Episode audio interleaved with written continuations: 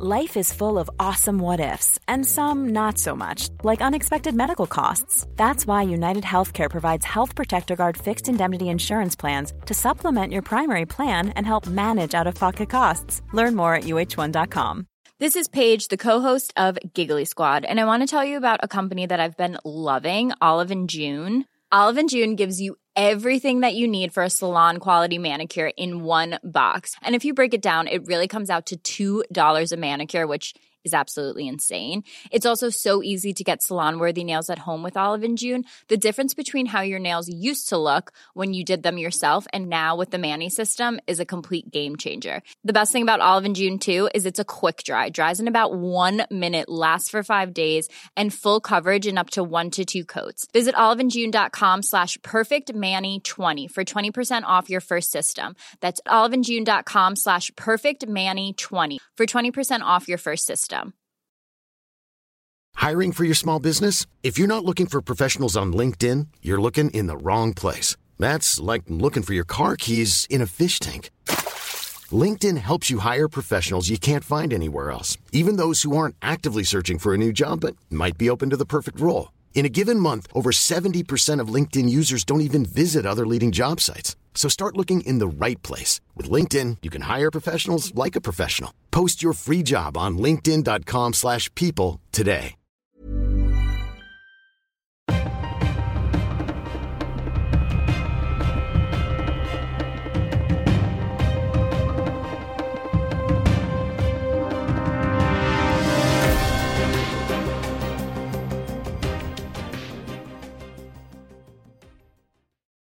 Så, då säger vi än en gång hej och eh, mycket varmt välkomna till ännu ett nytt avsnitt av dagens Juridikpodden.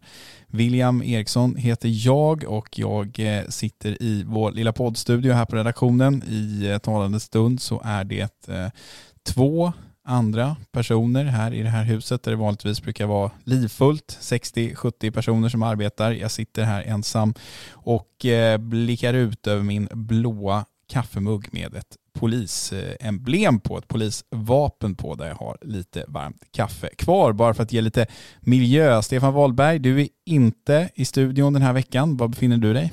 Jag befinner mig på mitt, eh, i mitt fritidshus i skärgården i Roslagen och här spöregnar och åskar och blixtar just för stunden när det här spelas in, vilket är då onsdag eftermiddag. Och det är, skulle man väl kunna säga, ett svenskt eh, sommarväder som av tradition har härjat i i varje fall större delen av mitt liv då och då. Utan att låta som en eh, klimatförnekare på något sätt så är det ju onekligen så att temperaturerna skiljer sig åt eh, i eh, Europa. I södra Europa så är det ju värmerekord pratas det om, över 40 grader, upp mot 50 på vissa ställen i södra Italien, Syrakusa, på Sicilien läste jag om. Men här i Sverige är det liksom sedvanligt juliväder. Man vet inte om man ska sätta på sig en tunn dunjacka eller om det är t-shirt och shorts som gäller. Det är liksom omväxlande, mest moln, ibland lite sol och ganska mycket blåst. Ja, fast det är lite grann så. Det är lite varannan, varannan dags väder och, och igår var vi på någon liten utflykt och, och imorgon ska vi på någon liten utflykt och, och eh, Förra veckan var vi och såg när Rospiggarna vann över Piraterna i på hemmaplan här och eh, nu tog ju Rospiggarna hem segern även på bortaplan mot eh, Piraten här igår så att vi är väldigt glada vi som är då sådana här eh, halvtidsrospiggar så att säga. Och ditt lag går ju också bra nämligen Djurgårdens idrottsförening har jag förstått de senaste för, dagarna. För djurgårdare går det alltid bra. Det är liksom eh, ja, en utgångspunkt man kan ha. Att eh, är man djurgårdare så mår man alltid bra och det går alltid bra. Så Men det kanske känns det, bättre liksom när man slår Malmö. Det kanske känns bättre när man slår Malmö FF va? Ja. ja. Det gjorde ni häromdagen. Allt beror på vad man har för inställning. Är, för oss djurgårdare så är det inget konstigt. Så att, vi kan lämna det därhän, Stefan, och eh, ta oss in på dagens begivenhet när vi spelar in den här podden, nämligen eh, den presskonferens som hölls i morse eh, med eh, justitieminister Gunnar Strömmer i spetsen tillsammans med riksåklagaren och snart presidenten i Svea hovrätt Petra Lund där man presenterade utredningsdirektiven för en kommande utredning som ska ta ett helhetsgrepp om hela den svenska straffrätten, kanske framförallt brottsbalken då och eh, även så att säga eh, var startskottet eller starten på vad regeringen tidigare kallat för paradigmskifte men under den här presskonferensen kallade för perspektivskifte. Man vill att perspektivet i straffrätten ska skiftas från gärningsmannen till brottsoffren och man vill då att Petra Lund ska eh, lämna en rad förslag på olika saker. Det är en väldigt styrd utredning på så sätt att Petra Lund har inte så mycket fria händer här utan hon ska lägga fram förslag på ändringar som möjliggör att eh, gängkriminella personer ska kunna dömas till eh, dubbla straff, eh, föreslå skärpta häktningsregler, ta bort att, det ska, att, att fängelse ska väljas som sista val och så vidare och så vidare. Det är repressivt så det förslår här Stefan. Ja, det är det. Samtidigt så handlar det till väldigt, väldigt stor del om just straffskalor och straffmätning och hur det praktiskt ska utdömas. Och jag brukar ju alltid säga att det är ingen del utav, eller i varje fall få delar utav juridiken och i synnerhet utav av straffrätten som är så politiska som just frågan om hur hårda straff vi ska ha. Och eh, det finns ytterst få så att säga, juridiska, alltså rättsligt eh, grundade argument åt det ena eller andra hållet utan det är snarare så att det handlar om till viss del hur man ser på det här moraliskt men också till viss del vad forskningen visar kriminologiskt och, och, och inte minst då effektivitetsmässigt. Och I stor del har ju fokus under ett par decennier i Sverige legat på att man, man pratar om att straffet eh, är straff, straff, fängelsestraffet i sig, så att säga, det framhålls ofta från kriminologiskt håll, saknar praktisk verkan eftersom det då inte finns någon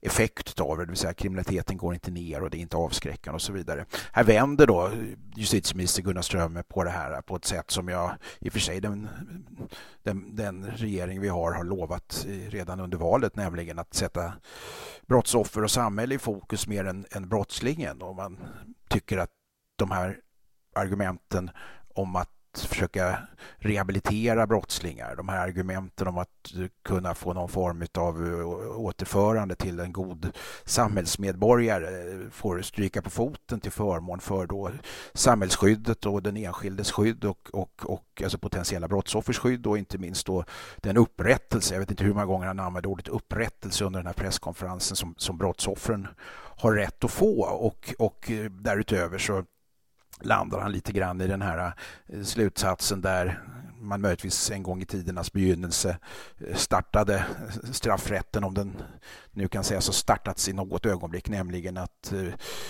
regelefterlevnaden kräver att det finns sanktioner för den som så att säga, inte följer reglerna och att detta är själv, har ett självändamål som då med, med enligt regeringens synsätt kan paras med då samhällsskydd och eh, brottsoffrets upprättelse. Vi är lite tillbaka på den här ruta ett där man brukade prata om den så kallade vedergällningsgrundsatsen. Martin Holmgren, kriminalvårdens generaldirektör, var ute och svingade lite mot eh, regeringen och Tidöpartierna förra veckan. Han, eh, han påstod bland annat, eller ställde sig frågan i en intervju med Sydsvenskan huruvida det finns någon någonstans som liksom har tagit ett helhetsgrepp om alla de här reformerna som har föreslagits i, i, Tidöparti, eh, i Tidöavtalet och det som komma skall här och Eh, funderat på hur detta ska realiseras. Alltså finns det platser inom kriminalvården? Finns det tillräckliga planer på utbyggnad? Hur ska man lösa det här? Han föreslog ju själv att fler personer skulle avtjäna sina straff utanför anstalt med fotbojor och under skyddstillsyn och inom så att säga, ramen för frivården och så. Nu pratar man om, om att strängare regler för häktning, fler ska häktas i fler sammanhang, vi pratar om längre straff, dubbla straff för gängkriminella, häk, eh, fängelse ska, ska väljas i fler fall som påföljd och så vidare, tvärt vad, vad Holmgrens förslag. Hur ska det här realiseras? Det tror jag inte att någon vet, eh, inte heller vår regering och vår justitieminister. Han var ju inne på den frågan, eller han fick den frågan i, i samband med frågestunden från journalisterna, hur, hur, det här skulle kunna gå ihop. Och eh, han menar att det finns många år på sig här att åtgärda det här genom att bygga moduler inne på befintliga kriminalvårdsgårdar, anstalter och att även som du möjligtvis nämnde här utlokalisera en del eh, interner till utländska fängelser.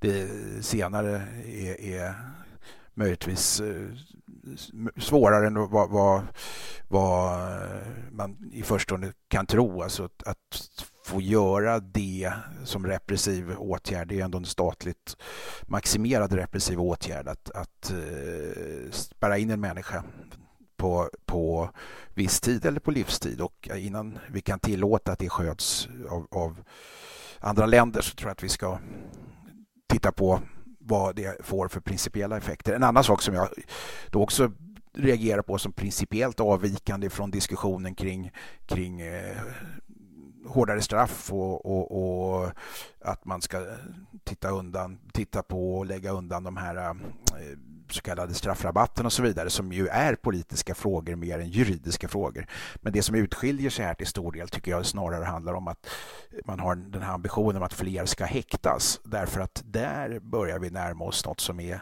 ideologiskt känsligt i de här sammanhangen eftersom själva häktningen i sig eh, riktar sig mot människor som faktiskt inte är dömda och enligt konstens alla regler ska betraktas som oskyldiga.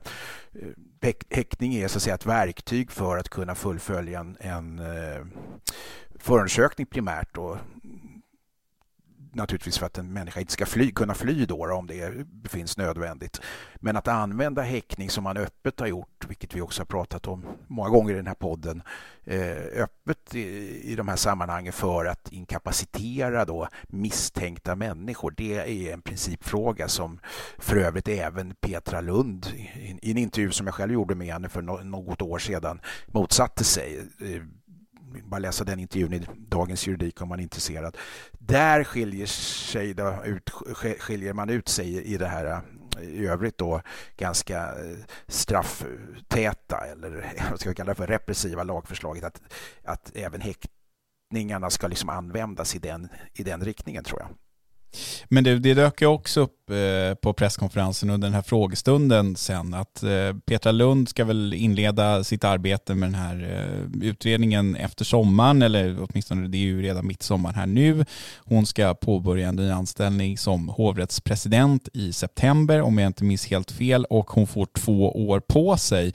Då kan man ju ställa sig frågan, är det överhuvudtaget möjligt att genomföra någon av de förändringar som hon kommer att föreslå innan vi har ett nytt eh, riksdagsval? Val? Jag är inte så säker på det.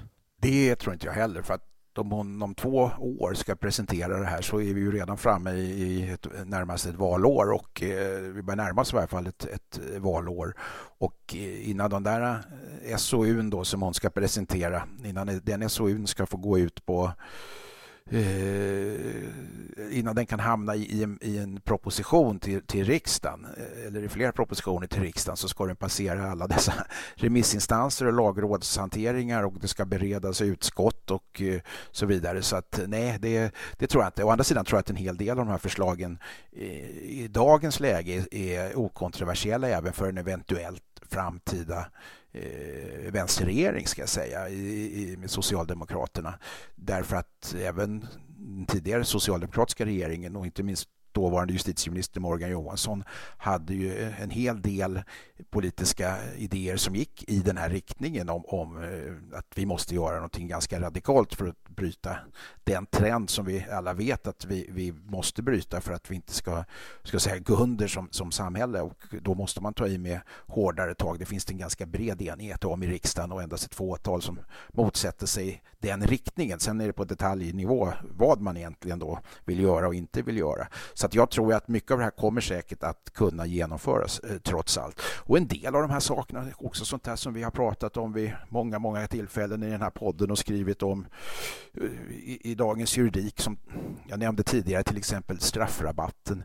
Det är ju en i mångas ögon märklig företeelse med den exceptionella eh, möjlighet till straffrabatt som finns i Sverige. Det vill säga att du får den här aspirationsprincipen som den kallas att innebära i praktiken att du kan begå en rad väldigt allvarliga brott utan att i praktiken straffas för dem om du har begått tillräckligt många brott eh, samtidigt eller du lagförs samtidigt så att säga. Och det där är nog inte varken i överensstämmelse med det allmänna så kallade rättsmedvetandet eller i överensstämmelse med vad för den delen väldigt många som jobbar inom rättsväsendet eh, själva anser är etiskt, moraliskt och för den delen då även i någon högre mening juridiskt eh, godtagbart.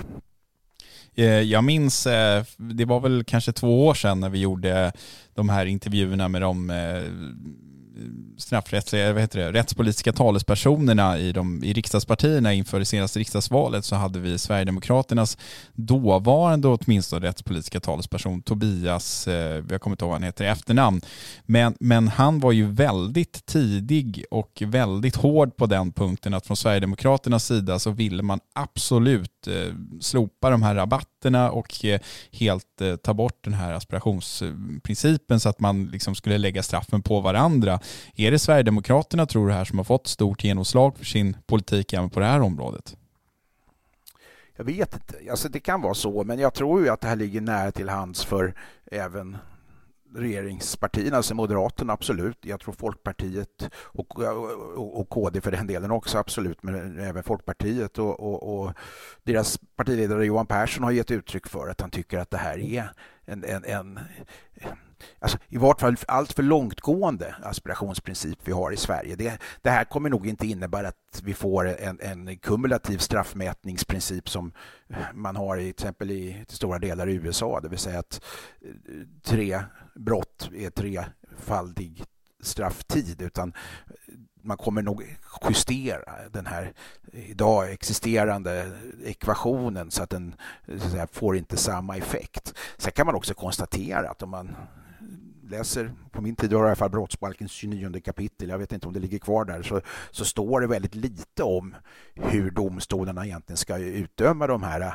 i övrigt då stipulerade straffen, det vill säga straff, använda straffskalorna. Och, och om jag inte minns fel så står det bara någonting i stil med att straffen ska, ska, ska utmätas på det sätt som efter, efter brottets eh, allvarlighetsgrad eller samlade straffvärde vid flerfaldig brottslighet. Och det här har sedan fått växa fram genom årens lopp i, i, till den ekvation, om vi nu kallar det för det, som, som faktiskt existerar idag och som enkelt uttryckt går ut på att det allvarligaste brottet bestraffas med sitt fulla straffvärde medan nästa brott då i princip eh, som man lagförs för halveras och sen så fortsätter det på det sättet.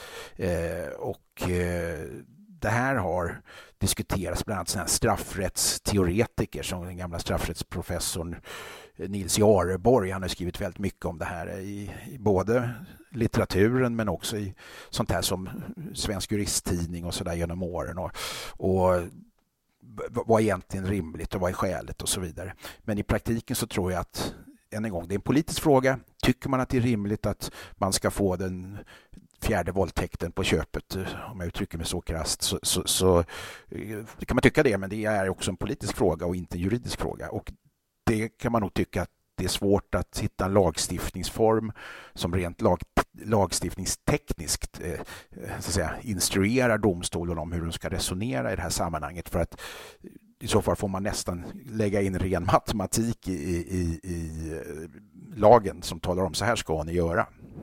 Det är intressant för under pågående inspelningar så, så har det dykt upp en fråga till dig och mig på, på det här forumet Twitter där jag åtminstone är, är ganska ofta. Och det är en advokat här som ställer sig frågan huruvida det verkligen är maktdelning när samma person som utreder och lägger förslag på lagstiftning också sätter sig som president för Svea hovrätt. Och då har det precis kommit en kommentar här från eh, ja, en, en eh, känd person, nämligen Christer Tellin som säger att han har eh, utvecklat detta i sitt bidrag bidrag till festskrift till Svea hovrätt. Då så eh, har inte jag nu hunnit leta efter den. Den finns säkert här på redaktionen någonstans. Men frågan är i allra högsta grad intressant tycker jag.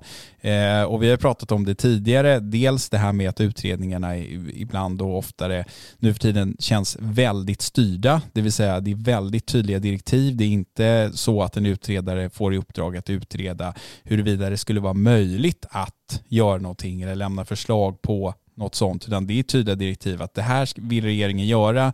Du får i uppdrag att berätta för oss hur det ska gå till. Sen till den andra frågan med Petra Lund. Ja, alltså jag tror att jag tidigare någon gång har läst att eh, ett skäl till att det är vanligt med så att säga, externa utredare i Sverige, alltså personer som inte jobbar inom regeringskansliet, är att vi i Sverige har eh, förhållandevis små departement vilket gör att liksom, arbetsstyrkan där räcker inte till för att lägga ut alla sådana här utredningar på personer som är anställda inom regeringskansliet. Sen om det är bra eller dåligt, det kanske jag överlåter till dig Stefan. Ja, det sista tror jag helt enkelt inte är sant. Vi har 6 000 människor ungefär som arbetar i, inom regeringskansliet. Eh, jag tror att det här snarare bygger på svensk tradition och jag tyckte att vi pratade om det här lite grann så sent som förra, förra podden. Vad, vad är lämpligt när det gäller till exempel justitieråden? Eh, nu är Petra Lund fortfarande alltjämt riksåklagare men hon var tidigare lagman för Södertörns tingsrätt och hon ska in, precis som du själv påpekade, och bli president för Svea hovrätt vilket är, är den finaste domartjänsten man överhuvudtaget kan ha i Sverige. Eh, och eh, då kan man utifrån det perspektivet på ett principiellt plan som inte alls har med Petra Lund att göra eh, naturligtvis utan rent Men det har väl med den här maktdelningsfrågan att göra? Ja, ja, ja, ja står för samma sak som jag sa i förra podden. Lika lite som att jag tycker att landets justitieråd ska kunna tas i anspråk och underställas regeringen med utredningsdirektiv eh, i den här typen av extrauppdrag så tycker jag inte att en domare i hovrätten heller ska tas i anspråk för det för att det är ägnat att rubba förtroendet för opartiskheten och framförallt från den här armlängds avstånd mellan regering och den dömande makten. Så jag, jag delar eh, den här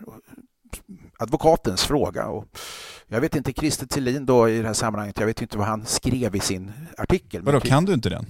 Nej, det kan jag inte. Och för den som inte känner till det så var Christer Thelin statssekreterare under regeringen Bildt och har varit lagman i, som han själv brukar kalla det för skånska hovrätten, alltså hovrätten över Skåne och Blekinge och har en del andra uppdrag, framförallt engagemang inom ramen för mänskliga rättigheter i Europarådet och sådär. Och han är en, en, en kraftfull och, och slagfärdig eh, debattör och, och eh, skicklig jurist.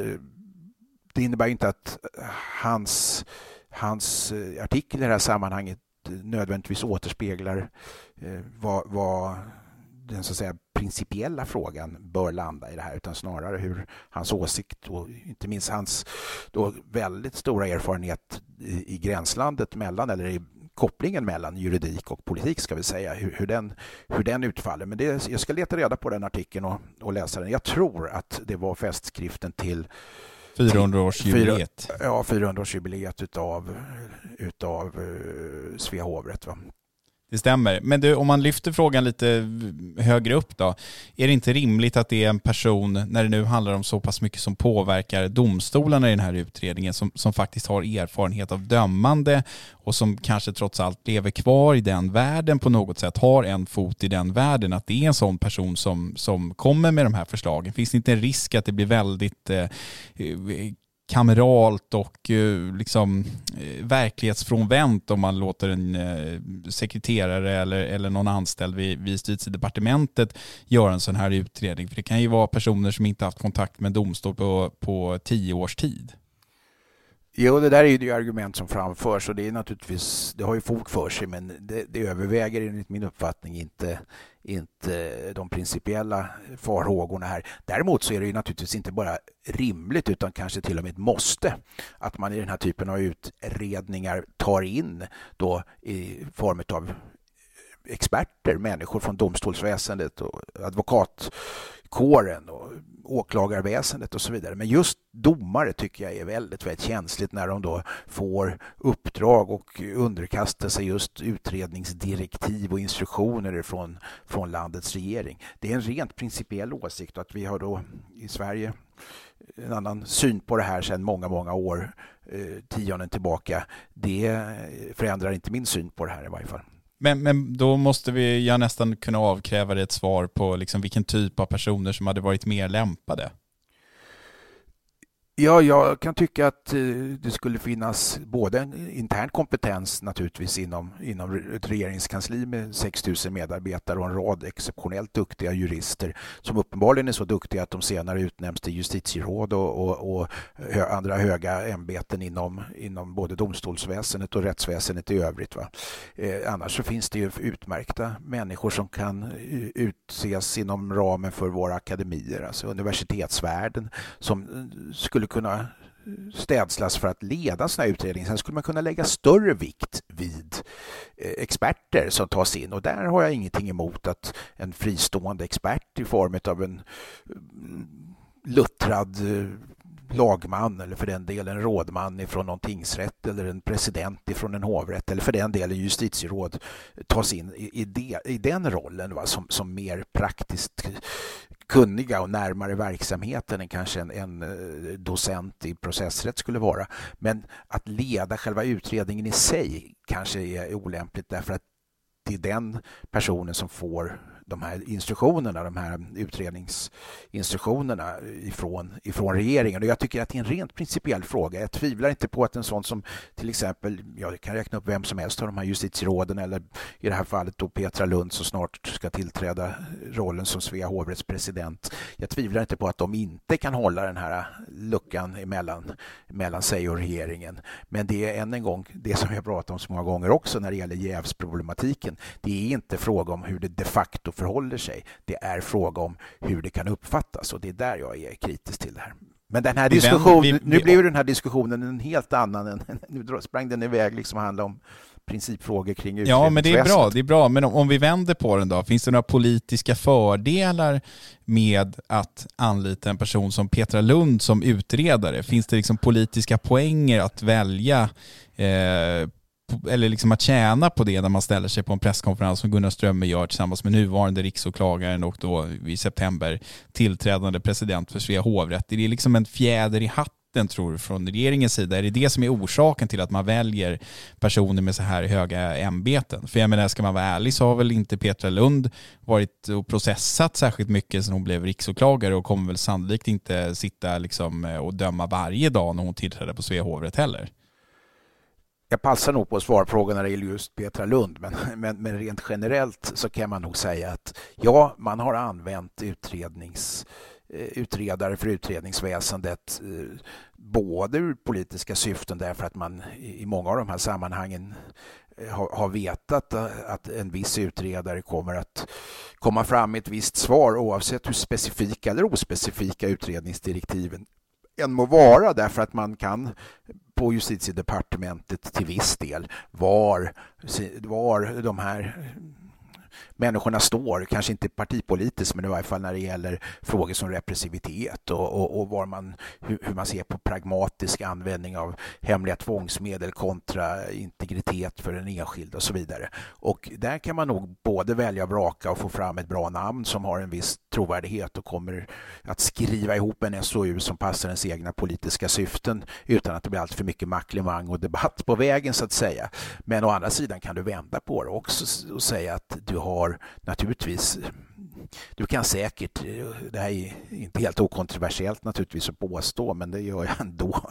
Det, det är klart att de som gör så bra ifrån sig inom ramen för den svenska eh, utredningsformen av det här slaget också har och kommer att premieras när det gäller utnämningar från regeringen. Både eh, till tjänster inom rättsväsendet som lyder direkt under regeringen eh, men även när det gäller utnämning till, till, till eh, tjänster inom regeringskansliet eh, och sedermera då till även domarutnämningar. Det ska man ha klart för sig i Sverige att det är fortfarande så att det är regeringen och ingen annan som utser och utnämner alla ordinarie domare i Sverige och det, det, det här är ett känsligt kapitel att det är så och eh, det, det i sig är ägnat att ännu mer försöka hålla då människor borta ifrån från utredningsväsendet därför att man skulle kunna i varje fall misstänka att en del gör bra ifrån sig där för att kunna få högre domartjänster. Och det är inte bra att den ska misstänkas. Om det är så i verkligheten eller inte, det låter jag någon annan svara på. Ibland är det så här i radiovärlden att man har tur, det gäller väl även tv-världen när det handlar om så här, att hitta en övergång och den här diskussionen om domstolarnas och domarnas oberoende och sidouppdrag och principfrågor och så. Det leder oss in på en annan sak som jag tänkte att vi kort skulle beröra idag för att ganska direkt efter att vi hade spelat in förra veckans podd så kunde ju Dagens Juridik, tror jag, som första media rapportera att Högsta domstolen ehm, stoppade utvisningen av två stycken turkiska medborgare som Turkiet har begärt att få utvisade dit på grund av att de då eh, misstänks för eh, terrorbrott. De påstås vara terrorister. Högsta domstolen ansåg inte att eh, den bevisning som lagts fram där var, var liksom tillräcklig för att man skulle kunna anse att de hade begått terroristbrott och avseende en av dem, eller om det var båda till och med, så, så fanns det väl eh, andra skäl också att eh, inte tillstyrka en utvisning. Det här ledde ju till diskussioner eh, som det brukar göra när personer då går ut och säger att det här är ett tecken på eller det är ett bevis på att vi i Sverige har oberoende domstolar som vågar fatta beslut som, som eh, utåt sett åtminstone kan verka som sådana som kanske inte uppskattas av den svenska regeringen under pågående NATO-möte där man har gjort en del eftergifter till Turkiet och så vidare. Eh, men det får alltid mig att tänka att ja, så må det väl vara, men är det verkligen så att det är det liksom yttersta beviset på att vi är oberoende domstolar? Det yttersta beviset på att vi är oberoende domstolar är väl att domstolarna är oberoende, inte att man dömer eller beslutar i någon specifik riktning. Nej, alltså jag, jag, jag på att säga i synnerhet när det gäller Högsta domstolen. Jag menar inte riktigt så, men, men nåväl. Alltså jag exceptionellt svårt att tro, eller det skulle vara en, vänt på det, vi säger så här, det skulle vara en extrem skandal om det vore så att någon från regeringskansliet eller till och med en minister skulle ha ringt till, låt säga chefen för Högsta domstolen, Anders Eka och så att säga förklarat vikten av att, att eh, den här eh, domen eh, eller det här beslutet utföll på ett visst sätt. Vi pratade tidigare om utnämningar och sådär och det, den sannolikheten då att man just när det gäller ett justitieråd, det var därför jag sa, som jag gjorde inledningsvis, eh, som justitieråd har man liksom inte något mycket att vinna på ens den teoretiska hypotesen att något sånt skulle ske och att man då därutöver skulle eh, rätta sig efter detta från, från eh, justitierådets sida.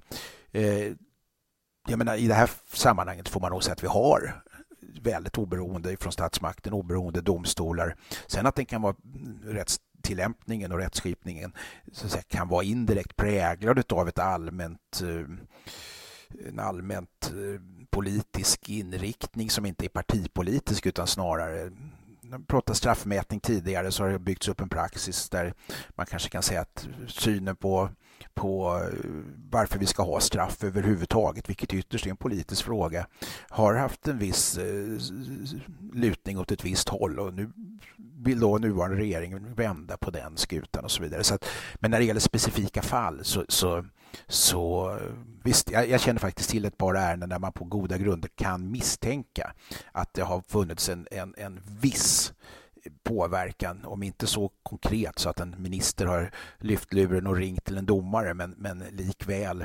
eh, har funnits sånt som, sådana som jag egentligen inte tycker om, nämligen att eh, man har velat orientera sig kring ett visst ärende och man har vid något tillfälle från regeringskansliet, jag tror Dagens Juridik skrev om det här för bara något år sedan, va? Ja, men det var väl eh, nyligen vi pratade om det i podden när diskussionen blossade upp kring den här Allra-affären där, där det var en, eh, en annan podd, inte Dagens Juridikpodden, utan eh, två herrar som, som påstår att man kunde leda i bevis att det fanns någon regeringsperson, någon anställd på regeringskansliet eller något sånt där som hade vandrat bort till Svea hovrätt och, och pratat med någon, med någon domare där och, om hur detta skulle lösas så att säga. De blev ju frikända i, i tingsrätten men dömdes sen i hovrätten och, och så vidare. Så att de här konspirationsteorierna eller teorierna om att det skulle ha funnits eh, viss påverkan i vissa fall, de dyker ju upp. Men jag, jag med, med den här diskussionen var bara det att jag, jag, kan inte, jag tycker inte alltid att en, en fällande eller en friande dom, oavsett vart, vart liksom, åt vilket håll domen landar, behöver inte alltid vara ett tecken på att domstolarna är oberoende. Alltså jag är helt övertygad om att svenska domstolar är oberoende i förhållande till regeringen, men att man fattar ett beslut i den här utjämningsfrågan när Sverige har gjort eftergifter till Turkiet behöver ju inte per se innebära att det är ett tecken på att svenska domstolar är oberoende. Nej, dessutom är det ju så att eh, om inte jag minns fel så var det ju ganska nyligen, eh, alltså under den här perioden när den svenska NATO-diskussionen kring Turkiet pågick som Högsta domstolen faktiskt beslutade att lämna ut ett antal personer till Turkiet efter begäran därifrån. Va? Var det inte så? Så kan det vara, det är inget jag har i huvudet, men om det är så så är väl det ett, ett tecken om något på att domstolen är oberoende, för då har man kommit till olika slutsatser i två olika eh, mål och det här juridiska resonemanget som man använder sig av kan, man ju, kan ju vem som helst ta del av på Högsta domstolens hemsida. Så att... Och man ska väl också klart för sig att oavsett det enskilda fallet, oavsett vad man så att säga, tycker att, hur man tycker att juridiken borde vara eller hur man tycker att juridiken borde tolkas eller tillämpas eller om man till och med tycker att juridiken borde vara så följsam att den, att den så att säga, tog ställning till, eh, eller hänsyn till ska jag säga, snarare än en eh, riksangelägenhet. Eh, vi ska nog ha klart för oss att det är precis i stunder som de mest svåra som, som de här mest viktiga eller viktigaste juridiska principerna om till exempel domstolars oberoende ställs på sin allra yttersta spets. Och, och om det inte fungerar då, det vill säga om domstolarna till exempel inte minst Högsta domstolen skulle börja ge vika för säga, det man mycket brett skulle kunna anses vara, om inte ett politiskt, eh, så till och med kanske ett riksintresse, eh, när det finns eh, bedömningar som ska göras. Till exempel om vi skulle landa i att man börjar fälla fler människor för, för gängbrottslighet än det egentligen finns bevis för därför att gängbrottsligheten utgör ett så stort hot emot samhället. Ja, då är vi ute, inte på det sluttande planet utan i ett fritt fall. Så det, det här understryker än en gång vikten av oberoende domstolar och att man håller armlängds lucka mellan stat och domstolar. Du, nu eh, fixade du ännu en sån här superövergång åt mig. Du, du nämnde fritt fall där. Det är väl en attraktion som åtminstone finns på Gröna Lund. Den kanske inte finns på Liseberg, men där finns det ju andra attraktioner. Och jag tänkte att vi skulle prata lite snabbt om eh, Liseberg. Ett klassiskt eh, nöjesfält, ett sommarnöje för många svenskar att besöka. Nu eh, har Allmänna reklamationsnämnden behandlat ett klagomål som en besökare hade på Liseberg. Det var en kvinna som var där tillsammans med ett sällskap i början av augusti förra året. Eh, de hade köpt sådana här så kallade allt i ett-biljetter som innebar att eh, med den biljetten så fick man entré och så fick man åka hur mycket man ville mellan öppning och stängning. Det här sällskapet kom dit vid 11.30 på förmiddagen. Det var köer överallt på så den här kvinnan så att eh, de kunde inte åka särskilt mycket. De hann med en två, tre åk sådär fram till klockan 15 på eftermiddagen när eh, alla attraktioner plötsligt stängdes ner till följd av ett kraftigt åskoväder som drog in över Göteborg. Den här nedstängningen pågick fram till 22 där någonstans, det var väl ungefär sex timmar tror jag. Och eh, sen fick de då möjligheten att eh, åka igen mellan 22 och 23 innan de stängde. Då satt de dock fast större delen av den tiden i en berg dalbana på grund av något tekniskt strul. Så det blev inte mycket åka av under den där dagen. Eh, hon vände sig till Liseberg och Eh, ville ha kompensation. De erbjöd henne då och hennes sällskap ett kvällspass dagen därpå. Det tyckte hon var lite väl snålt så då gick hon vidare till Allmänna reklamationsnämnden som nu rekommenderar Liseberg att återbetala 1500 kronor av de här drygt 2300 kronor som sällskapets biljetter kostade. Och det här är inte helt ointressant Stefan, för någonstans kan man ju tänka sig att även om man är nöjesfältsdirektör eh, så kan man ju ha svårt att, så att säga, förutspå eller förutse vilken väderlek som, som det kommer att vara på dagen. Ja, men det är inte så oförutsebart, inte minst i Sverige utifrån vad vi pratade om inledningsvis, att, att man inte att det liksom skulle vara en svart svan som kom. Att, att Liseberg drabbas av ett, ett åsk eller regnoväder till att börja med. Eh, tycker jag. Va? Sen är det klart att jag, det jag tycker är fint med avtalsrätten och civilrätten är att man kan alltid vända på den och, och åtminstone i ett sånt här sammanhang tycka att, att eh, skulle, låt säga, Liseberg ha betalat tillbaka pengarna till den här familjen om familjen i förväg hade köpt biljetter via nätet, vilket jag inte vet om man kan göra. Men vilket... Så var det. Ja, Okej. Okay. Eh, om de blev förhindrade att, att komma och hämta ut sina biljetter till följd av att eh, det var ett oväder som gjorde att de inte kunde resa från en annan stad till exempel. Nej, sannolikt inte. Va? Det hade inte varit diskussioner om att man skulle betala tillbaka det. Det vill säga, man måste som hela tiden, tycker jag, vända på kuttingen i, i, i alla avtals sammanhang och, och resonera utifrån det andra perspektivet. Och, och, det tror jag skulle vara utsiktslöst för den familjen i så fall. Eh, nu råkar det dessutom vara så att vi har ett förstärkt skydd för konsumenter, för privatpersoner gentemot mot, eh, företagare.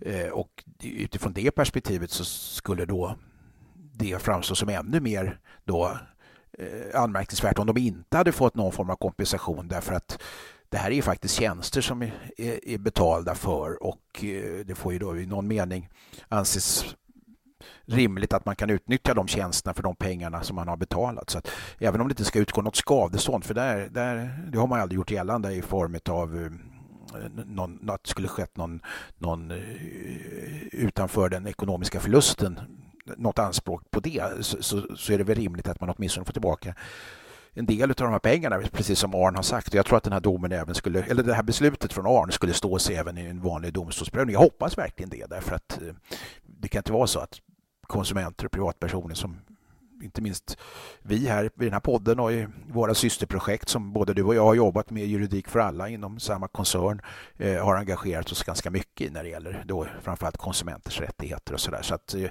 jag tycker att den är rimlig, eh, att det är ett rimligt beslut av Arn.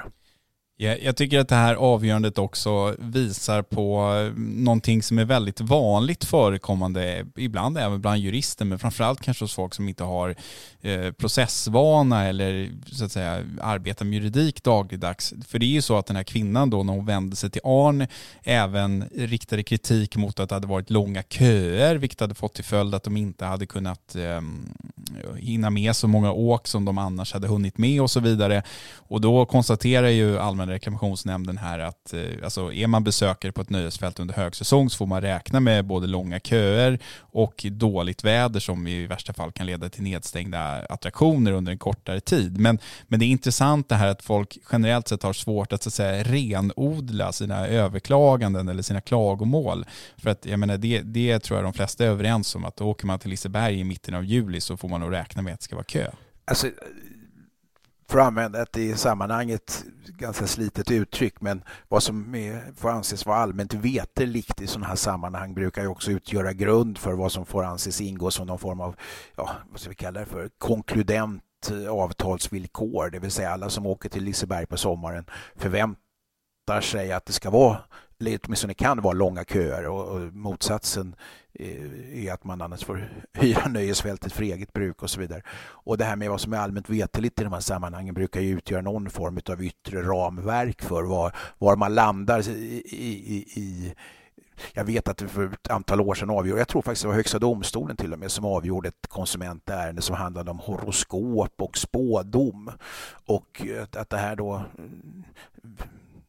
som de hade kommit fram till i, i, i de här sammanhangen visade sig inte infalla och så där. utgjorde inte skäl för att man skulle få pengarna tillbaka därför att om jag inte minns fel då, så var det Högsta domstolen som skrev att det snarare får anses vara allmänt veteligt att, att, att detta utgör någon form av förströelse snarare än en, en, en, en prognos över vad som ska hända i verkligheten och så vidare. Och, och, Det är väl rätt rimligt. Jag tycker där är juridiken väldigt bra många gånger, att man väger in sånt och då måste man även väga in det som är, är så att säga, till nackdel för konsumenten här, trots ett starkt konsumentskydd. Det vill säga, det är ju inte rimligt att tro att man ska få ett nöjesfält för sig själva. Sen är frågan, var går gränsen? Det är klart det finns en bortre gräns och man kan säga att man kom dit och... och... Men om man översäljer, Alltså det är väl precis som att man, eh, som flygbolagen gör ibland, att man så att säga kanske säljer fler biljetter än, än antalet besökare man kan ta emot. Och då kan man väl diskutera huruvida det är rimligt eh, beteende av eh, nöjesfältet. Ja, och så var inte fallet här kan vi understryka. Utan... Nej, jag tror ingen hade gjort gällande det heller och det var egentligen inte dit jag ville utan jag tänkte mer att det här var ett bra exempel på att man alltid ska ha i bakhuvudet tycker jag utan att vara någon processrättslig expert på något sätt och det är väl kanske inte, kanske inte du kan titulera det heller men att liksom eh, man ska renodla sina överklaganden och man ska renodla sina klagomål och man ska fokusera på så få saker som möjligt och så ska man göra det så bra som möjligt och inte bara randa ner allting som man kommer på. Det gäller även journalistik. Det är väl en god, eh, kan man prata om vilken duktig processadvokat som helst om, eller åklagare för den delen med, men framförallt när det gäller då civilrättsliga ändamål, som använda ordet renodla. Försök ta bort så många bevisfrågor som möjligt, försök, försök ta bort så många bedömningsfrågor som möjligt, alltså som lämnar utrymme för i vart fall skönsmässiga bedömningar och eh, försök identifiera och sen renodla rättsfrågorna i de här sammanhangen så att man kan sätta fingret på något som är antingen är det så eller också är det inte så. Så är det Stefan. Är det. Eh, du och jag ska väl, varken du eller jag ska väl till Liseberg i närtid, men om vi ska det så lovar vi att dokumentera besöket, eller hur? ja, absolut. Det här var väl ett vettigt beslut, men, men, men eh, Liseberg är väl en trevlig plats att besöka i övrigt också. Ja, det finns en massa roliga saker. Flumride fanns det när jag var liten, en sån här timmerstock som man kunde åka ner för ett eh, vattenfall med, så blev man blöt. Den var rätt rolig. Annars är inte nöjesfält någonting för mig som har fallenhet för eh, både sjösjuka och åksjuka. Så att jag brukar mest Jaha. hålla mig till de här stånden där man kan köpa lotter och vinna stora chokladaskar. Ja, nu, nu för tiden får jag mest ont i nacken tycker jag. Eller rättare sagt, jag undviker att åka sånt där för jag får ont i nacken. Men jag har faktiskt åkt det som i varje fall då kallades för en av världens absolut värsta berg och dalbanor som hette Viper, nej, Viper som är på eh, Magic Mountain, nöjesfält utanför Los Angeles i Kalifornien. Jag tror att det är sju looper på raken och då var man lite mör efteråt men hade adrenalin som var på topp. Det låter som att du har gjort ditt och jag kommer aldrig göra det, så vi kanske får åka och spela bingo eller någonting. Det låter mer som sport eller en hobby för dig och mig om vi ska ha någon Du som brukar, driva, du som för... brukar driva med, med, med, min aktningsvärda ålder och sådär. Men att du, din, du som är en kraftkarl och sådär har livet framför dig ska börja spela bingo, det tycker jag låter ganska tråkigt faktiskt. Nej, vi ska spela bingo. Vi kan göra det som kick-off till hösten. Vi ska kick-offa med bingo, då har vi bestämt det. Ja, härligt. Stefan, jag ska inte eh, hålla dig längre. Du ska få eh, gå ut och, och, eh, ta hand om din trädgård. Själv ska jag sätta mig och skriva lite fler artiklar så att Dagens Juridik är levande även under sommaren. Stort tack alla ni som har lyssnat. Glöm inte att följa oss på sociala medier. Glöm inte att mejla oss på podden att Dagens Juridik om ni har frågor, funderingar, åsikter eller synpunkter. Vi hörs om en vecka igen. Hej!